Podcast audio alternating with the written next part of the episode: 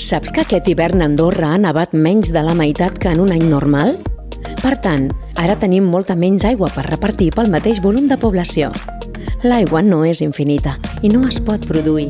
Només tenim la que la natura ens regala i tots n'hem de fer un ús racional. Venim de l'agost més càlid des de 1950 i d'un setembre que marca el mateix rècord amb 3,5 graus per sobre de la mitja d'aquest mes.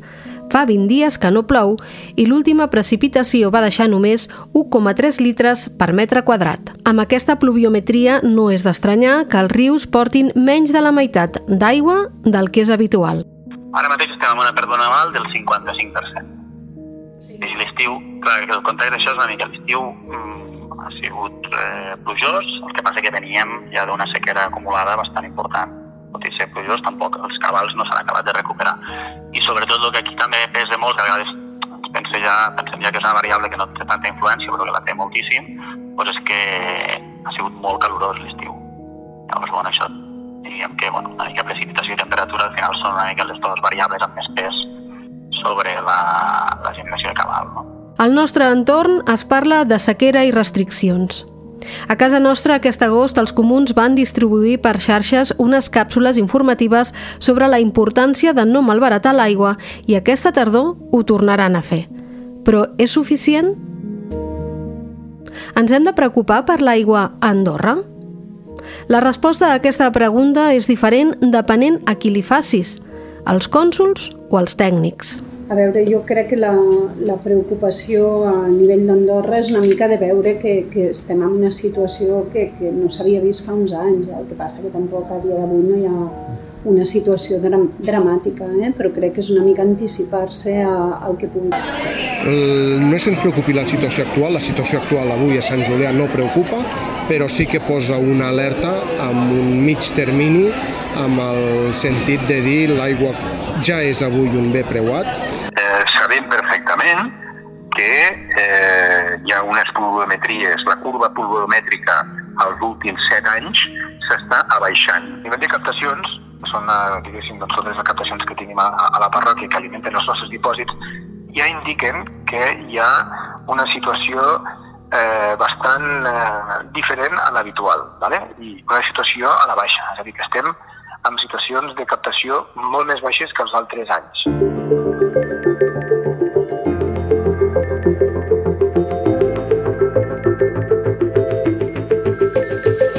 Hola, sóc Esther Pons, això és l'Altaveu a fons i en aquest episodi us donarem algunes dades i us acostarem opinions d'experts i governants perquè decidiu per vosaltres mateixos si cal prendre mesures o no per estalviar aigua.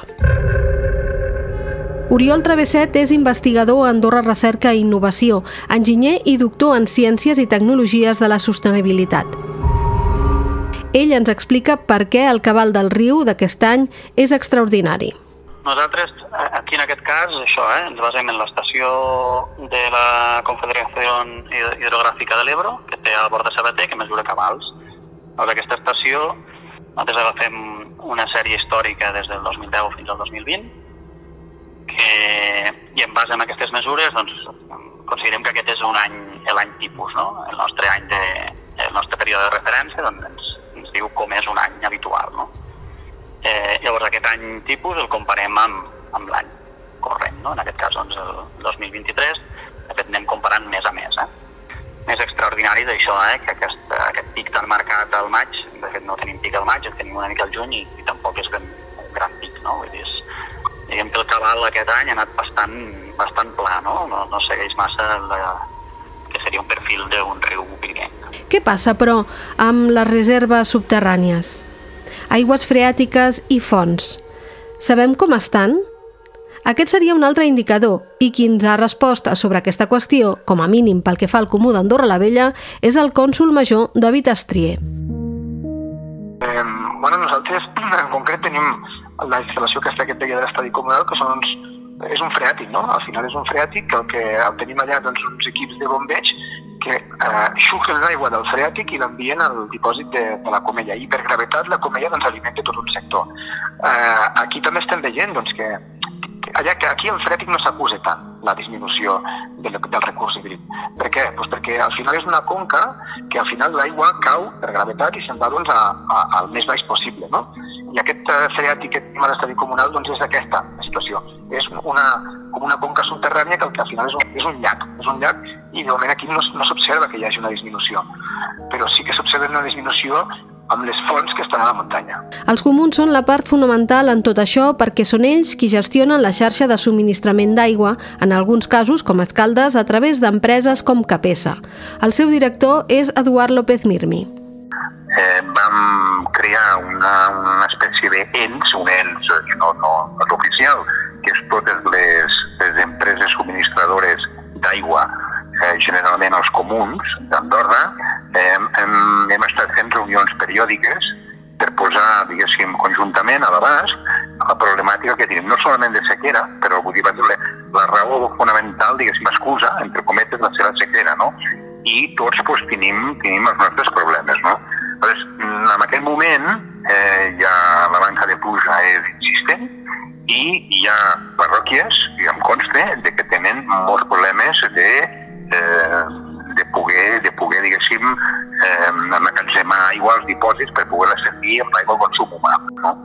És que al desembordany no tenim de moment aquest problema tan, tan, tan greu, però no és perquè som més intel·ligents o perquè sabem fer millor les coses o perquè tenim la, la, la, la pedra filosofal, no, no és aquest. Nosaltres tenim bastanta sort que la, la, la, higrometria de la vall del Madriu per a Fita Caró pues és, eh, diguéssim, no, no, no, no, no està seca, diguéssim. No?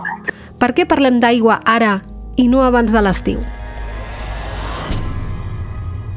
perquè la setmana passada van saltar les alarmes a la Massana quan el Comú va fer arribar aquest missatge als administradors de finques. El llegeixo. Benvolguts senyors i senyores, hem rebut l'avís del Comú de la Massana d'un possible increment de consum d'aigua potable dins la comunitat. Tot i que estem fent les comprovacions adients, us demanem de mirar d'estalviar en el vostre consum privat i intentar no malbaratar aigua, ja que sembla ser que la sequera també està començant a afectar el país. I és que, com diu López Mirmi, Andorra no és un oasi. Eh, sabem perfectament que Catalunya, Ariège i Penedès Orientals tenen molts problemes i estan fent, diguéssim, eh, fan, fan, fan que, que, que hi hagi una sostenibilitat, intenten eh, gastar menys aigua, no, no malbaratar-la, etc etc. i nosaltres a Andorra no som un oasi. Quedem-nos un moment a la Massana perquè després que els veïns comencessin a rebre aquesta nota que hem llegit, la nostra companya Meritxell Prat va poder parlar amb la cònsul menor Eva Sansa a la sortida de la reunió de cònsuls que es va celebrar divendres i la conversa va anar de la següent manera mica com està la situació a la parròquia. També justament l'altre dia parlàveu de totes aquestes reparacions que s'han sí. fet per detectar fuites, no sé com ho teniu. Sí, de fet nosaltres el que fem és controlar contínuament els dipòsits i quan veiem, per exemple, que baixen de manera normal, doncs fem un seguiment dels, del, de, diguem, els consums de les comunitats i dels diferents jocs. Aleshores, ara s'havia detectat que havia baixat més de lo normal el, el, el dipòsit i el que hem fet doncs, és anar veient tots aquests consums i anar veient a les comunitats per explicar-los que segurament doncs, poden tenir una fuita i que, i que miren d'arreglar-ho. No és cap situació alarmant ni molt menys i, i la veritat és que durant la nit aquests dipòsits es van, es van recuperant, s'han arreglat algunes fuites durant aquests dies i ja hem vist un increment d'un 20% del, del, del, de, diguem, el, el, el total del dipòsit.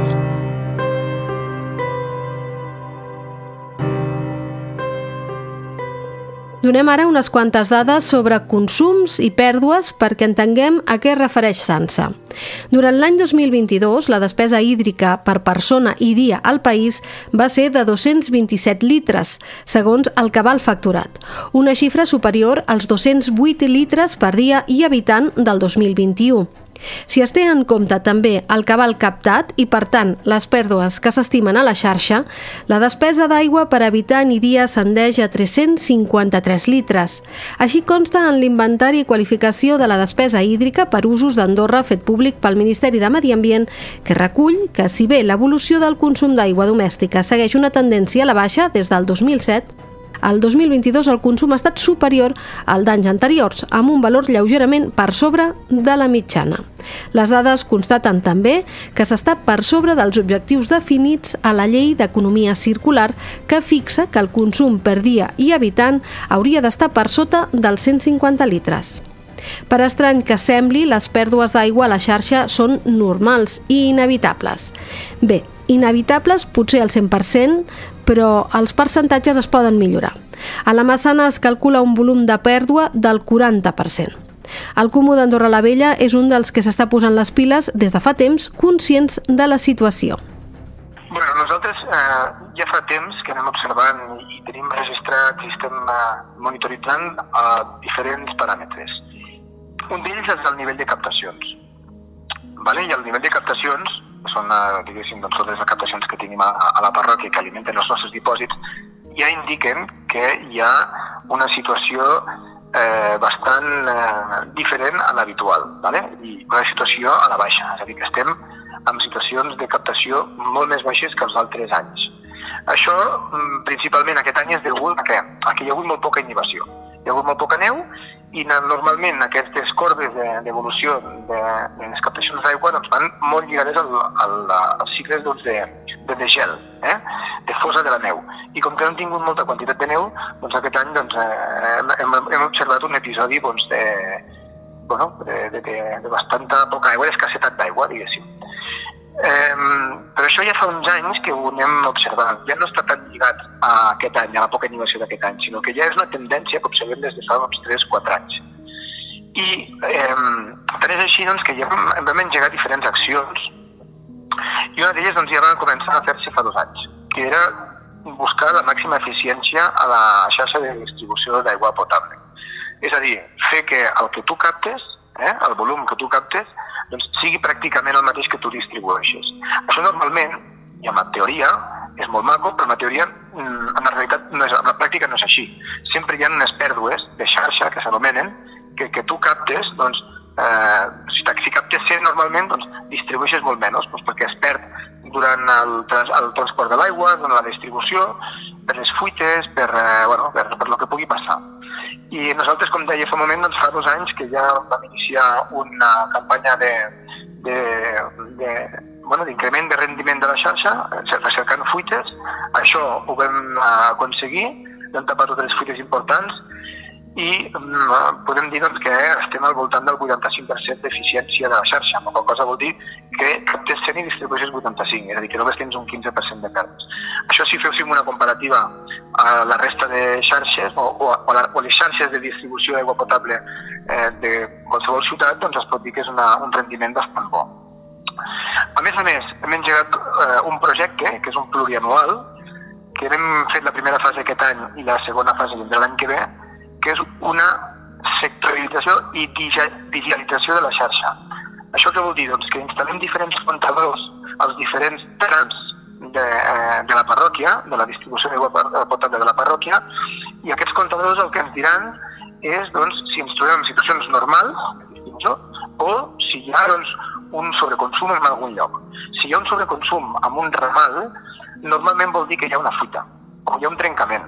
I això doncs, ens envia alarmes i vol dir que som molt més reactius a qualsevol incidència que pugui haver a la distribució de l'aigua.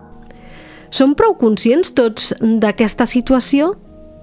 Escoltem el que diuen Rosa Gili, cònsul d'Escaldes, i Francesc Camp, cònsul de Canillo, a la reunió de cònsuls d'aquest passat divendres. Bueno, és que jo crec que al final és com una... Quan, quan veus les notícies a la televisió del que pot passar a no gaires quilòmetres, crec que al final també és una qüestió ja de solidaritat i de... Bueno, no podríem tancar els ulls, no? malgrat estiguem a la muntanya i per sort encara tenim aigua als llacs i, i tenim una mica d'aigua. No. És veritat que no, no tenim un seguiment exhaustiu dels consums d'aigua, eh, tenim més el seguiment del, del que es cobra per l'aigua que dels, i, però sí que és cert que és una, és una dada que cada vegada serà més estratègica pel país. És una dada que forma part dels estudis de capacitat de càrrega, se'ns demana també en aquests estudis de, de saber els consums d'aigua actuals eh, i si els, els cabals actuals que de, subministren els dipòsits d'aigua de cada comú són suficients. Potser ara la situació no és alarmant, tot i que els dipòsits d'aigua d'algunes parròquies no estiguin passant pel millor moment. Però què passarà en el futur? Què diuen els models? Ens ho avancen Oriol Travesset de l'ARI, David Estrier des del Comú d'Andorra la Vella i el director de Capesa, Eduard López Mirmi. Aquestes variabilitats també anuals que poden fer que l'any que ve doncs, igual canvi això, no?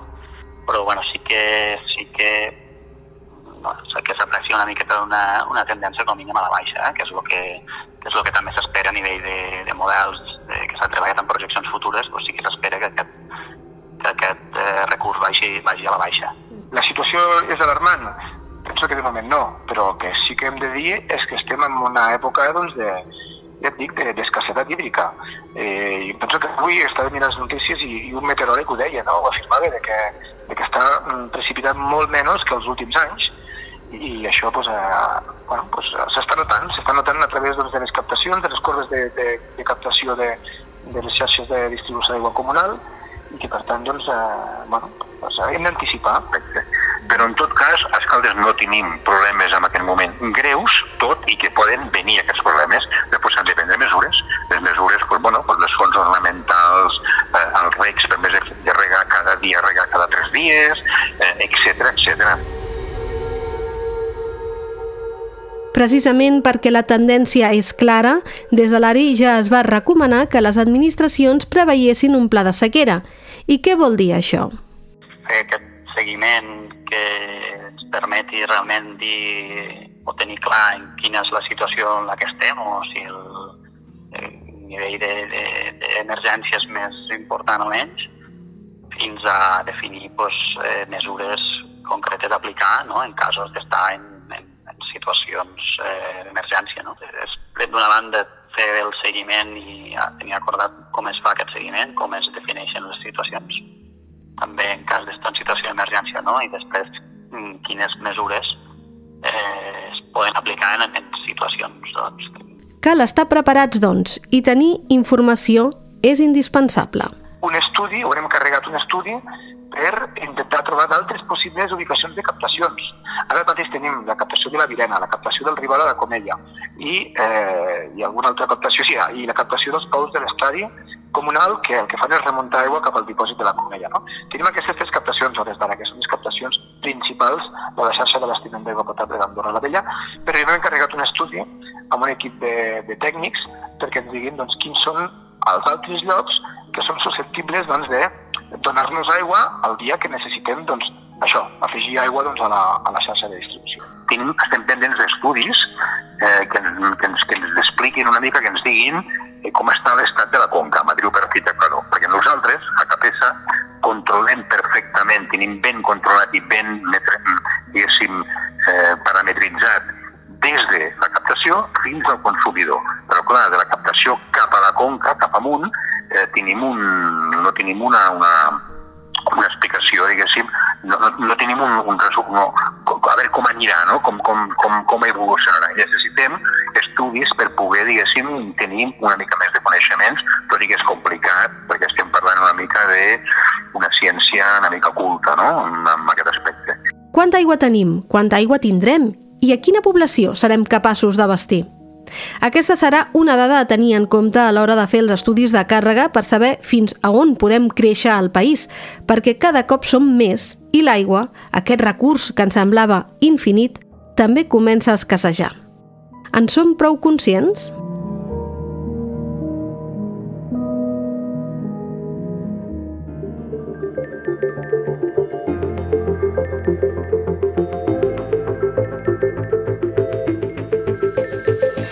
Això ha estat l'Altaveu a fons. La realització i direcció d'aquest episodi ha anat a càrrec de qui us parla, Esther Pons, amb la col·laboració de tota la redacció de l'Altaveu.